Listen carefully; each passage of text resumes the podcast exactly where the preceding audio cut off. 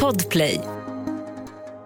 Välkomna till veckans spaning med Jinghede, Ljungdahl och Broddare.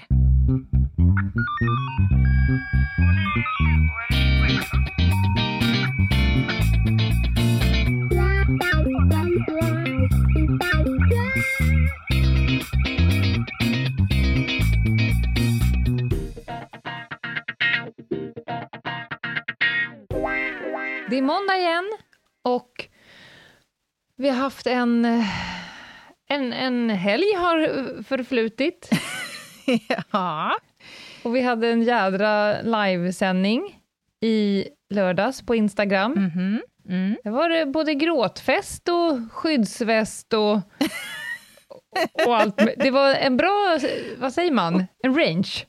ja, det får man säga. Panoramat var ju betydligt i, i Ja. omfattning, så att säga.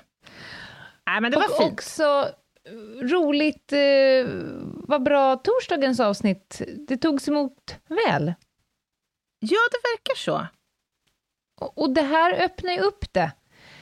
Alltså, jag drog ju ett eh, case som jag har jobbat med icke-polisiärt. Mm. I alla fall, min horisont var icke-polisiär, sen jobbar jag med polisen. Mm. Men och i och med att det emottogs så väl, där finns det ju så att säga mer skit att ösa ur den brunnen. Ja, men det är här. Alltså, jag, jag tror ju att det här som du beskrev i torsdagsavsnittet, det är liksom det göttigaste av det göttiga. Det är sjukt spännande. Jo, men, men jag har inte tänkt på... Alltså jag, när vi, vi har ju... Vi är inte en intervjupodd, utan vi tar ju in intervjupersoner om vi behöver expertis. Och vi är inte heller en casepodd som borrar ner oss. Men då och då så väljer vi ju gamla eh, avdankade case för att beskriva olika fenomen, rent ur fakta. Eh, Perspektiv, ja. ja. exakt. Och då har jag liksom inte tänkt på att jag har en väldig massa case från mitt icke-polisiära yrke. Nej. Så nu när det togs emot så väl, då har vi jag, ju, jag, jag kan redan nu brodera ut tio till liknande. Fantastiskt. Ja, men, eh, kan det vara så också att du har blivit lite normaliserad? Alltså att du förstår inte att det här som du har ägnat dig åt yrkesmässigt i en massa år utanför polisen faktiskt ju är en värld eh, som de allra flesta aldrig kommer komma i kontakt med. Ja, men, Och som är det det är så. superspännande. Mm. Ja, men det är såklart det är så, även eh, som du som är polis. Alltså, Mm. Man går ju till jobbet varje dag och gör saker som man... Ja, det framkallar på sin höjd en gäspning. Och för andra är det liksom, what? Ja, ja. Ja, äh, men det var roligt. Men nu är det måndag och då är det veckans spaning och det betyder att vi inte mest troligt ska prata krim, utan någonting annat. ja, det kan bli vad som helst egentligen. Som Meta broddare får feeling på. Och, och lätt beskrivet alltså, Meta är ju också för detta polis, ska jag säga. Ja. Det kanske inte är så många som vet det som har trillat in på slutet, men Meta Broddare är en exceptionellt god polis med expertis inom dialog, medling, våldsbejakande radikalisering. Mm. Just det. Eh, Och vi kommer absolut få utrymme att ta in henne i podden som expert, som det heter. Just det. Hon är väl också en fena på interkulturell kommunikation, va? Det kan man lugnt påstå. Mm. Ja, hon har ett gäng, ett gäng strängar på sin lilla, lilla ly- lyra. Ja. Men igår stod hon i någon gödselhög någonstans och drog in en spaning till oss. Och nu tror jag att vi åker, Anna. Ja, det gör vi.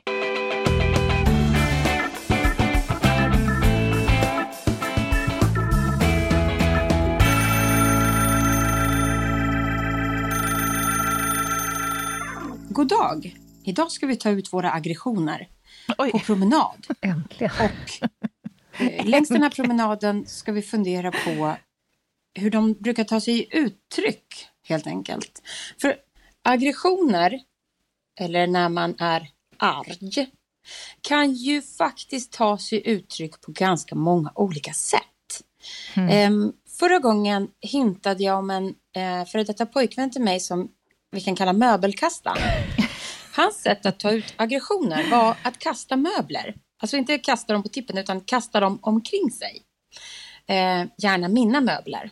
Så Det här var alltså en person charmigt. som Oh, ja. tog ut sina aggressioner åt olika håll genom att kasta möbler i olika riktningar. Eller andra döda ting, till exempel sin egen mobiltelefon. Som jag såg segla över Tujahäcken in till grannen mer än en gång. Innan eh, ja, Verkligen. det här förhållandet så att säga rann ut i sanden. Jag har också sett personer som har fallit i djup gråt eh, när de egentligen är arga och som inte kan stoppa gråtet istället för arget. Jag har sett personer som bara blir döda i ansiktet och sen bestämmer sig för att du är för övrigt gone för mig och jag kommer aldrig att bevärdiga dig ens med blick igen. Jag själv vet inte riktigt vad jag är. Kanske ganska eh, långsint i vissa fall och närsint i andra situationer. Jag undrar hur ni har det med närsintheten och långsintheten eller för evigt-sintheten, ifall det finns någon sån. Finns det oförlåtliga situationer där du vet att den här personen kommer jag aldrig att varken förlåta eller sluta att vara arg på. Lycka till! Åh, Närsint, är det då man har svårt att, att läsa på en skylt när man är ute och kör bil?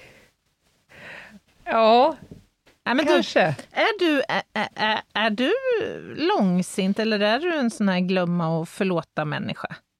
Vad tror du? Jag tror att du kanske har en liten släng av långsinthet. Eh, ja. alltså, jag är nog jävligt långsint. Det finns ingen bortre gräns för hur långsint jag kan vara. Oj, Men jag, så ja, pass alltså? ja, men jag känner mig extremt träffad av det där hon sa, att du för evigt inte finns. Jag brukar säga, you're dead to me. Ja. Jag säger inte det till det. människor. Nej. Men jag har ju, om man tänker sig den svarta boken, Mm, mm, så här, det är väldigt svårt att hamna där. Jag blir inte ofta arg. nej. Jag är, jag är långsint eller osint. Mm, Alltså, mm. min son säger alltid att du är så chill. Saker som folk liksom blir arga på, jag blir liksom inte arg. När han gör saker av lättja. Nej. Sist hällde hon ut två deciliter, glas, eller, eh, två deciliter mjölk i soffan på grund av att han har balanserat glaset på sin Ja. mage. Just det. Ja. Det är ju bara Nej, men dumt. kom- Men hamnar man i min svarta bok, Mm, then you're dead to me. mm. Alltså, för evigt död för mig. Men alltså, okej. Och, och, det här tar, och då tänker folk, gud, inte jobbigt att vara arg så länge. Nej, nej, det tar 0% energi av mig, because you're dead to me. Ja. Jag tänker inte ens på, jag har raderat dig. Ah. Men, men alltså, vad, vad fordras då för att hamna i, i den, den lilla svarta, så att säga? Oftast så är det beroende på, alltså det är rent, det är, vi pratar värdegrund nu. Mm. Alltså om du har fulat ut dig på ett sånt sätt att, att jag tycker att du är en ond sate, Mm. Mm. alltså att du trampar på min värdegrund så pass mycket, Mm. Eh, och då kommer det inte... Grejen är varför du är död för mig, för det spelar e- efter det ingen roll. Mm. Om du är supertrevlig, jättehjälpsam eller vad fan, god på alla andra sätt. Ja, Har du liksom ett, ett svart inre, Mm. Mm. då, då, då kan du inte väga upp det med någonting. Nej. Du kan inte ta... Möjligtvis att du över tid, om du efter 30 år kommer fram till att nej, men jag var tydligen inte så här. Nej, men Mm. då är, jag är, det är möjligtvis att, du, att en sån person skulle kunna ändra sig, men jag är inte intresserad av att vara med i varken förändringen eller vad som händer sen. Det finns ju så många andra människor, tänker jag. Men då tänker jag att det där beslutet ändå någonstans har föregåtts av någon form av utvärdering. Alltså är den här personen värd att få vara kvar i ditt liv eller inte? Ja, den utvärderingen kan ta 0,3 nanosekunder. Okej. Så visst, det kanske har rykt några. Det kanske sitter några i den där jävla svarta boken som kanske inte ska vara där. Men det finns ju så många andra, tänker jag. ja, ja, ja, ja, ja. Det är en one shot menar du? Men det, det tar ingen energi av mig. You're dead to me Ja, ja. Från, från nu. Ja. Och, och, och det här bevittnade jag häromdagen när jag var på en begravning. Och då var det en person där. Och nu var det väldigt konstigt eftersom jag var på en begravning. Det fanns det fler, ja, du förstår. Men, men där, där stod det en person på gräsmattan utanför. Mm. Eh, och så ska alla vara så här artiga, du vet. Ja, jag gillar han inte, men jag går fram och hälsar ändå. Mm, mm. I, inte Ljungan. Skulle aldrig någonsin falla mig in. Nähä. Titta inte ens på fanskapet. Okej, så pass alltså. Ja. Så jag, där är jag nog som Meta. Och- Men det ska mycket till. Jag blir väldigt sällan arg, men när jag blir arg, då blir jag arg. ja, Mm. just det. Och, och, och du gör ingen, det blir ingen feedback till den här personen som, som har då... Eh, liksom... Nej, men då är man inte i svarta boken, för att om det blir feedback, Mm. då, det är för mig, då investerar jag tid i dig. Då finns en önskan mig, från mig Mm. att antingen förklara, eller att jag vill se en förändring. Att jag öns en önskan om att vi ska på någonstans kunna enas i det här. Mm. Men en människa som sitter i svarta boken har jag ingen önskan alls om Nej. Så, att mötas med. Det, det ger mig ingenting att försöka fedbacka, för att det, det är att hjälpa dig. ja, jag förstår. Men, För men, mig, you may burn in hell. Jag är helt Ja. ointresserad om du förändrar eller inte. men det, jag- det jag liksom lite far efter här, det är te, teoretiskt så skulle det här kunna innebära att det går runt en och annan där ute som finns i din svarta bok, men som faktiskt inte vet om vad den har gjort dig. Gud ja. Eh, och för, för du har liksom inget behov av hämnden det kan med, eller Absolut innebära inte. att ha det där feedback-samtalet, så att säga. Nej, nej, jag trycker bara på delete. Ja, okej, jag förstår. Men de vet kanske inte det. Nej. Nej. Det kan ju bli, menar jag, då i en sån här situation, begravning, att om nio personer går fram och hälsar och en tionde står kvar och ser lite Ja. sur ut, så, Ja. så kan det ju innebära att den här personen då, som blir hälsad på funderar på, vad konstigt. Att inte Ja, det, det kan den få göra. Ljungdahl- Men personen är död för mig, så det bryr inte Ja, jag mig om. det. Just det. Nej, det, det, bottnar, det bottnar där, så att säga. Ja, det är utgångspunkten. Själv då, Anna? Nej, men alltså, jag skulle nog inte kalla mig egentligen långsint och jag är, är nog ganska bra på att förlåta. Även ganska stora övertramp. Och det Mm. handlar väl om att jag någonstans i min naiva föreställningsvärld tror eh, på människans eh, goda. Mm. Och, och framför allt kanske för att jag tycker att det är så in i helvetes energikrävande att gå runt och liksom diskvalificera folk. Mm. Förstår du hur jag tänker? Alltså det tar mer ja. på mig att Ja. vara sur eller ha någon dead to me-person som jag måste liksom ta omvägar kring eller försöka ignorera, Ja. för att jag har svårt för det, helt enkelt. Ja, ta det, ta det minsta energi, då är det ju absolut inte en, en modell att jobba efter. Nej, det är ju inte det. Alltså, Nej. jag förlåter ofta ganska snabbt och går Mm. vidare, så är det. Men, men det, finns, det finns faktiskt undantag också. Och det är ju lite det, tror jag, eh, som du är inne på, de här lite grövre grejerna, alltså oförrätterna, de här djupa sveken som riktas liksom mot min person och där jag upplever en väldigt stor orättvisa. Alltså förstår du att det, det är Mm. så pass stort klavertramp så att jag kan inte liksom laga skadan där. Även Nej. om jag skulle vilja. Lite så. Nej, nej, jag, jag förstår. Sen tror jag att jag, jag agerar nog lite olika eller sådär re- reaktivt beroende på vilken kontext det är. Faktiskt. Mhm.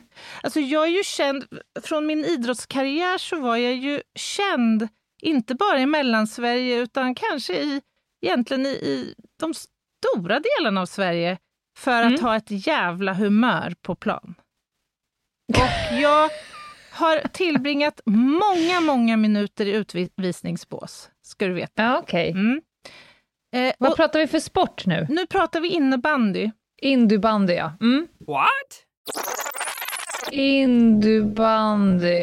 Och det kunde ta ganska stora proportioner. Alltså det kunde ta såna proportioner att, så att jag liksom sa de mest fasansfulla saker till både domare. Det kunde innebära ganska våldsamma tacklingar in i sargar och ribbstolar och annat. Men det var tvunget att komma ut på något sätt, så att säga. Och ofta ganska snabbt behövde det ut. Ja. jag älskar ju det här jag hör. Ja.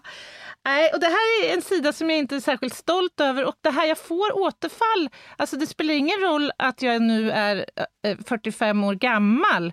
Alltså det här kan väckas till liv. Det, mm. det, kan, det hände så sent som igår att det, det, det bubblar liksom ut då. Det kan vara könsord och, och annat som kan verka lite opassande i en miljö när seniora motionärer ska spela tennis tillsammans. Och så är det en individ som skriker “jävla rövballen” när man missar en, en backhand slice till exempel. Alltså det kan verka omoget, men jag måste få det ur systemet. Ja, jag älskar det ju, för att du är ju annars det här, jag tror det bästa i folk, jag tror på försoning. För du vet, ibland när vi får mejl så tänker jag, vilket jävla as alltså. Och du bara, du hittar ju direkt en förmildrande omständighet till folks dumhet. Direkt! Så jag tycker ändå att det är uppfriskande. Ett poddtips från Podplay.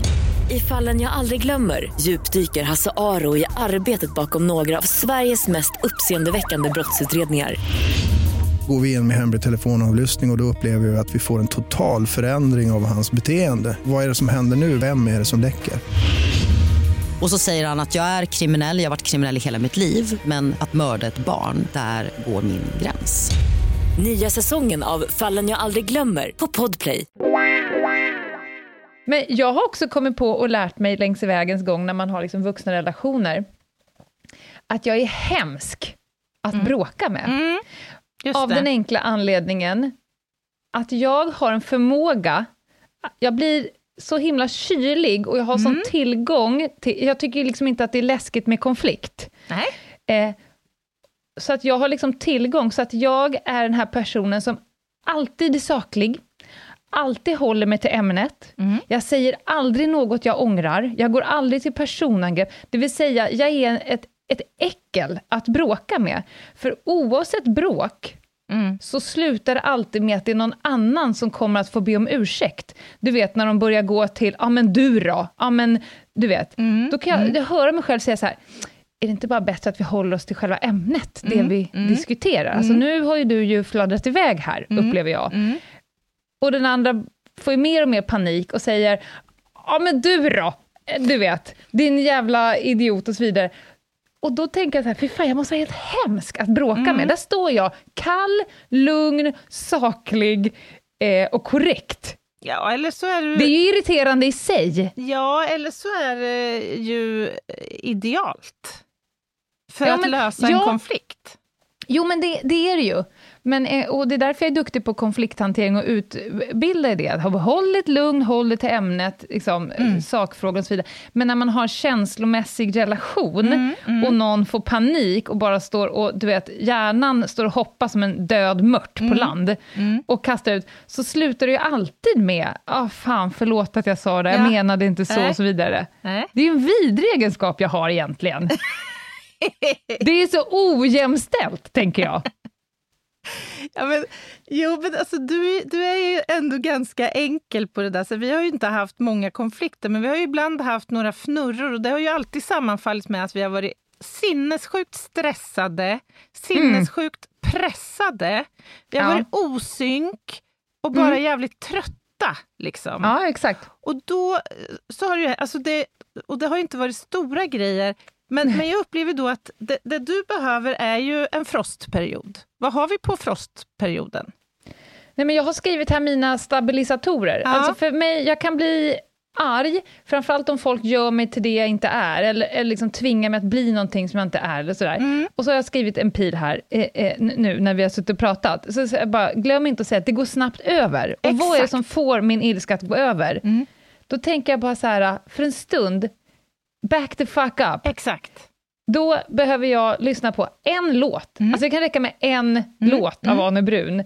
Eller bara gå ett varv, eller göra någonting. För att jag bara känner så här, jag är ingen möbelkastare, jag är bara... Det var som när du och jag var ute i skärgården. Så här, jag går ner och badar nu, ja. sa jag bara. Ja. Och sen när jag kommer upp, då är allt borta. Ja, men det är det jag menar. Där har du ju, du har frostperioden där. Ja, det är visst. stunden då, då man faktiskt också på något sätt har rätt att få vara lite sur både den som känner sig kränkt och den som på något sätt har... Liksom, ja. ja, du fattar.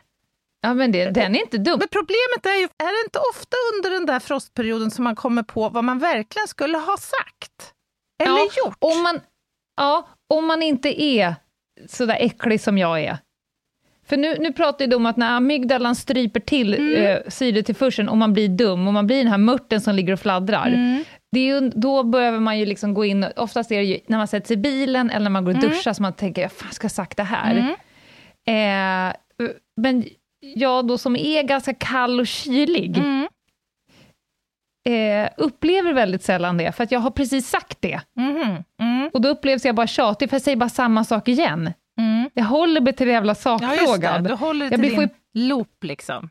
Exakt, jag får panik när folk bara ja ah, men igår då, när vi var iväg?” Man bara “igår? Alltså pratar vi inte om det vi gör, alltså igår?” det... varför, Och då säger jag så här, “varför sa du inte det igår?” Exakt, och, och det där, jag tror att det där behöver inte nödvändigtvis handla om en desperat konfliktstil. Det kan också handla om att på andra sidan eh, liksom nätet, om man säger så, mm. så finns en person som, som släpper saker, för att man gör inte en grej av det. För man tycker inte det, det är inte tillräckligt jobbigt för mig så jag ska Nej. göra en grej av det. Men Nej. när det väl blir, när jag får skit sen, ja. då Ja, jag, jag samlar ja, på hög. Då har jag samlat liksom på hög lite på kontot. Ja, den funkar inte på mig. Det är inte okej va? Nej, det, det kan jag säga, det funkar inte på mig. Men jag tycker också att det är viktigt i sammanhanget när vi pratar om det här med att förlåta. För att jag är mm. ganska bra på det, tror jag. Eh, men jag tänker också alltid när jag utvärderar om jag ska göra det eller inte, att, att, att jag förlåter nu innebär ju faktiskt inte att jag glömmer. Nej. Det, alltså, den här konflikten kommer ju inte vara raderad ur mitt minne för att jag förlåter. Nej. Och kanske är det så att många har som har svårt att förlåta tänker att det måste innebära att det där då ska vara raderat. Att jag inte har rätt mm -hmm. att fortfarande känna mig kränkt eller sårad eller förfördelad eller vad det nu kan, kan vara. Mm. Men att gå omkring att, och inte förlåta tror jag i det långa loppet är sämre. För att det riskerar att göra, göra en människa bitter. Och det ja, um, omges jag av ett antal individer som är. Ingen trevlig ja. egenskap. Nej, och, och det har vi varit inne på för att man blir också ful och det vill oh. vi ju ah. inte vara. Nej, nej absolut. Antingen förlåter man och går vidare. Mm. Det, det, är min 99 fall av 100. Förlåt, gå vidare. Släpp det bara. Mm. Jag är ganska odömande. Mm. Eh, det ska vara oängsligt att komma med sina flås till mm. mig, för att mm. jag dömer inte. Eller så blir du placerad i svarta boken och därmed bara raderad. Mm. Att gå runt och känna sig oförrättad och kränkt och bitter och låta det... Det är som att försöka döda någon annan genom att dricka sitt eget gift. Ja, det går ju så. inte. Det... det, är bara föraktet. Föraktet igen. Ja, alltså. ja men det är också eh, otroligt destruktivt ju. Och, och också det här att man ger då av sin energi mm. till någonting som ju är helt meningslöst. Du kommer ju ändå mm. må skitdåligt i den där processen. Absolut. Men jag ser framför mig den här scenen som Meta berättade om, hur möbelkastaren kommer ut och kastar sin egen telefon över Tujahäcken. Förlåt, men där hade jag ju börjat asgarva. Alltså det, den typen av ilska, där landar jag i förakthålet. Alltså jag, jag, hade... jag, skulle inte kunna hålla ihop det, jag skulle bara, men bubbis. Okej, okay, och, då, och då blir jag den här personen, men du, vad tänker du att det här leder till? Alltså jag, här hade vi reagerat helt olika. Jag hade lagt benen på ryggen och dragit. Alltså för ja, mig, av rädsla? Alltså vi är helt överens om att börjar man kasta saker omkring sig ja. eller ge sig på döda ting, alltså då är det ju någonting som inte lirar uppe i liksom... Ja. Även levande benen om man säger så. Ja. Nej, men jag håller med, men, men där, där landar jag i, i föraktet. För då blir jag så här, fast det här är ju inte rationellt och förnuftigt. Nej. Det här leder ju inte till någonting. Verkligen nu, inte. Nu kommer ju din telefon ha gått sönder också. Det här var väl osmart? Förstår vilken äcklig människa man är. Fy fan! Okej, har du kastat klart nu så kanske vi kan gå in och diskutera sakfrågan ett varv till, för vi är väl inte riktigt klara med den. Åh, oh, fy fan. Nej, Nej, alltså det där... Jag har ju en eh, person i min eh, närkrets ja. som har eh, en vana av att när hen blir förbannad så mm. slår mm. hen näven i bordet. Hårt så in i bänken. Och det här... Då kan ju folk bli rädda. Exakt. Det var det jag lite ville komma fram Det är till. ett jävla ovett skulle Det är jag ett säga. jävla ovett, ja. Precis. Och det där, den där rädslan kan ju också bli manifest hos en person. Alltså det kan ju bli en, en, ett obehag som förföljer en över tid. Och framförallt så blir man ju rädd och funderar på och försöker förutse, när kommer jag göra hen arg? För det där vill jag inte uppleva, det är så obehagligt, så då kommer jag börja... Och då är vi tillbaka på andra människor som gör någonting med dig, Mm. som du inte vill. Mm. Människor som gör dig, oavsett om det är en tjatkärring, eller en person som inte säger vad jag tycker, eller en person som går på tå, Mm. en person som behöver sätta på sig silkesvant och så vidare. Om du med ditt beteende gör mig till någonting som jag inte vill vara, Mm. då är du farligt nära att glida iväg in i, i, mot det svarta registret. Men har du hört talas om det här nya fenomenet nu? I Örebro har man öppnat upp, nu kommer inte jag ihåg vad det där stället heter, men det är alltså en lokal som du kan gå in i. Du betalar då en summa för att få vara i den här miljön och det går ut på att du ska få någon form av anger management terapeutisk stund genom att gå loss på inventarier. Gud, jag, jag såg precis något helt annat. Jag trodde du gick till spade dam och blev liksom Aha, uppfäst nej, på ett nej. kors. Nej, nej, Nej, nej. okej. Utan här, det här är något, for, något sätt då eh, i den moderna eran att här kan du nu betala en slant för att få gå in och få ur dig dina aggressioner. Nej. Funkar det tror du? Eh, ingen aning. Men det här går ju under kategorin, jag, jag, jag, jag samlar på oförrätter. Mm. Jag samlar på dem och trycker ner dem i magen. Det är liksom en svensk, det här är ju en sak som Meta är jätteduktig på.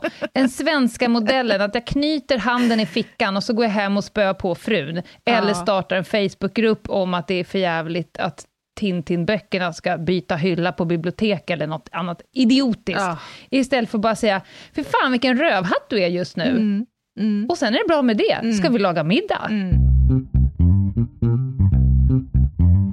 Det här med att bara samla på hög och bita ihop så kökarna, så hela, du vet, hela Ja. ens väsen är som en tajt hönsröv. Mm. Nej, Mm. nej, hörru. Nej, det har sällan varit eh, en framgångsfaktor Om du behöver betala dina pengar för att gå in och kasta möbler i ett rum. Nej, men jag tycker det är helt befängt.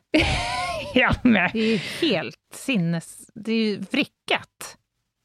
Få utlopp för det i vardagen på något sätt istället.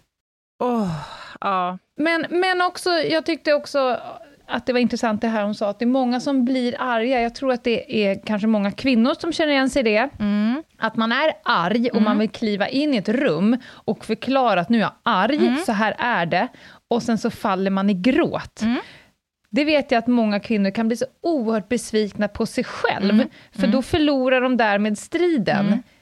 Och det är också så här, äh, det blir, jag är inte arg, eller jag är arg, men jag gråter ur det. Mm. Mm. Så, så Det är ju också ett Ja. jävla dumt system, Mm. att som kroppen bypassar ilskan.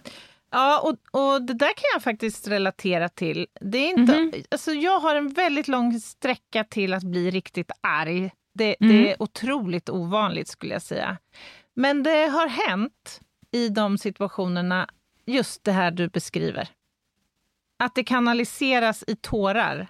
För att jag är så uppdämd av liksom ilska och aggression och frustration och ord som stakar sig och liksom, du, du förstår. Det blir Ja, men- som en ketchup-effekt nästan. Det är ju inte så konstigt. Det är ju de här starka effekterna, alltså ilska och gråt, Mm. eh, de ligger så oerhört nära varandra. Mm. De blir ju verkligen besjälade Verkligen. och besläktade med varandra. Eh, så det är ju inte konstigt, men det är många som inte känner att de blir hjälpta av det i stunden. Nej, det, det, det är helt rätt. Det blir man inte. Ja, Mer än att signalen om hur jävla fel man tycker det är blir väldigt stark. ja den blir stark. Men för jag, jag nämnde ju det här att jag också reagerar olika på ilska i olika kontexter. Ja. Jag tänkte också på det här i, i min eh, yrkesmässiga miljö. Där, Mm. där blir jag arg titt som tätt. Men där blir jag ju Mm. arg på liksom ett system oftast. Kanske inte så ofta individer egentligen.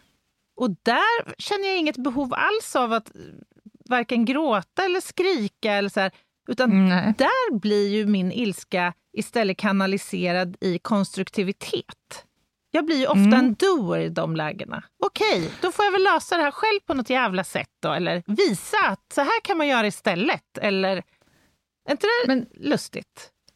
Jag tror att man i sin yrkesmässiga kontext är ganska skyddad av professionalism, den själsliga uniformen. Det finns också en bortre gräns, du måste lägga band på dig. Du kan ju inte bete dig på din arbetsplats som du gör i ditt hem. Nej, Eh, sant. ja, men det, det tror jag. Det beror nog på hur mycket, vad man har för relation, vad du har för roll Mm. eh, och vad man har för bakgrund. Jag menar, min son har ju sett mig arg Mm. några gånger. Eh, och han vet ju eh, vad det är som framkallar det och Mm. att det går extremt snabbt över och att det väldigt ofta kommer leda till någon form av snack om varför blev det så här. Eh, Mm. Ja, men- På jobbet så lägger man ju band på sig, såklart. Ja, jo, men det, du, du har nog rätt där. Men får jag bara fråga då, det här att, att det kommer resultera i någon form av snack. Är Mm. det viktigt för dig? Avslutet? Att så här, ha en liten backspegel tillsammans efter man Mm. har haft konflikten? Absolut. bråket? I och med att jag blir så himla sällan arg, Mm. eh, och då när jag blir det så är det oftast av någon rejäl anledning. Mm. Eh, jag lärde mig tidigt från min mamma att man lägger sig aldrig osams. Nej, det är. Absolut inte. Nej. Så då tar man helt enkelt snacket. Mm. När alla parter har liksom lugnat ner sig och affekterna har lugnat ner sig. Framförallt om man ska ha ett bråk med ett barn. Mm. Eh, Då får man ju själv inte bli barnvarianten av sig själv. För det kan jag tycka, att man ser en vuxen person som står och bråkar med ett barn, där vuxna har fallit ner och blivit sin fyraåriga version av sig själv. Alltså, lyft dig för fan. Mm. Eh, nej, men absolut. Ett snack. Och någon form av eh, framåt, eh, en progression. Va- varför blev jag arg? Och det kan vara så här, nej men jag blev så arg nu för att jag har en dålig dag. Jag har många gånger sagt det. Du fångade mig när jag var som hungrigast, mest stressad, jag har haft en skitdålig dag och jag blev på riktigt jätteledsen av att du betedde dig sådär. Eh, så att det är egentligen det du såg nu, att jag blev så ledsen. Eh, att man tar snacket, absolut. För annars så kommer ju barnet gå och lägga sig i sängen och undra vad fan var det som hände och hur kan det här drabba mig på lång sikt? Gud, ja. Det är en känsla man inte vill peta in i något barn. Nej, eller vuxen. Alltså, Eller vuxen, egentligen såklart. så är det ingen skillnad där, tycker jag. Nej. Jaha, det här känns som ett, eh, en eh, djup brunn att gräva i, så att säga. Absolut. Jag skulle... Jag tycker att det är intressant, faktiskt. Ja. Det här med, med ilska och vad det gör med en och vilken kraft det finns i det. Jag utbildar ju mycket områden där jag vill att människor lockar fram sin absoluta galna vrede. Alltså vi pratar självskydd, för att ta dig ur strypningar, för att klara ur situationer när någon kommer och vill liksom ha ihjäl folk på din arbetsplats. Du behöver ha den avgrundsdjupa vreden i dig för liksom ren survival mode. Men jag tänkte säga det, alla har ju den. ja. Det är en överlevnadsgrej det där. Ja, men, men eh, ju mer man har jobbat med det och ju mer man är liksom sams med sig själv, så det bästa är om man inte kan vara så hi- att man behöver inte vara så rädd för folks ilska. Det är inte Precis. farligt att någon är arg. Nej. Nu säger jag det, och då vet jag att många av er lyssnar och kanske tänker, du har inte sett min man arg. Han är jättefarlig, så att med djup respekt för det. Mm. Eh, m- men generellt så tror jag att våra eh, mekanismer drar igång väldigt tidigt och det är därför folk blir så oerhört dåliga på att bråka. Men jag tror så att alltså, det, det handlar om så enkla saker som att konflikter är ju, och bråk är ju otroligt obehagliga. Ja, Det blir ofta förhöjda röster och det, liksom, man känner sig attackerad och angripen och förväntas Mm. kunna leverera svar här och nu och allt det här. Det är läskigt. Men man, Mm. kan, ju, man kan ju bli bra på det, så att säga. Man, man kan ju Absolut. bli bättre på att bråka. absolut. En stor portion själv, självkännedom drabbar inte någon här. Sant. Bra Ja. sammanfattat, Lena. Jaha, det var veckans spaning. Och eh, just det, det är måndag. Får man flagga för en, en annan podd idag? Ja, just det! Kör! Det är ju den 6 september när ni lyssnar på det här och då händer det roliga grejer. Ja, eller det vet vi inte, jag har inte hört mig själv än, men jag är i alla fall med Jo. i podden Idag lyfter vi. Eh, och vi hade ett jättehärligt eh, samtal när vi spelade in den här podden, så jag hoppas att den ska falla till belåtenhet. Och på torsdag, Lena, vad ska vi göra då? Oj, oj, oj, oj, oj, oj, oj. På torsdag så tror jag att vi ska prata om någonting som många kanske är intresserade och, och fascinerade av, men vet väldigt lite. Jag slänger ur mig ord som kulbana, skjutavstånd, ballistik, Projektil. projektil. Vi ska prata om vapen. Det blir pang-pang för hela slanten. Det blir det. Det är nu det blir på riktigt pang för pengen, som du brukar säga.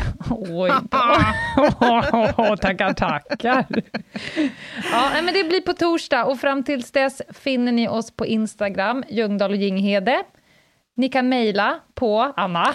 Hej at Ljungdahl och Ginghede.se. Och ni kan nå oss på, via vår hemsida, ljungdahlochginghede.se. Just det. Festligt alltihop. Vi hörs på torsdag. Ha en underbar vecka. Bye! Bye, bye.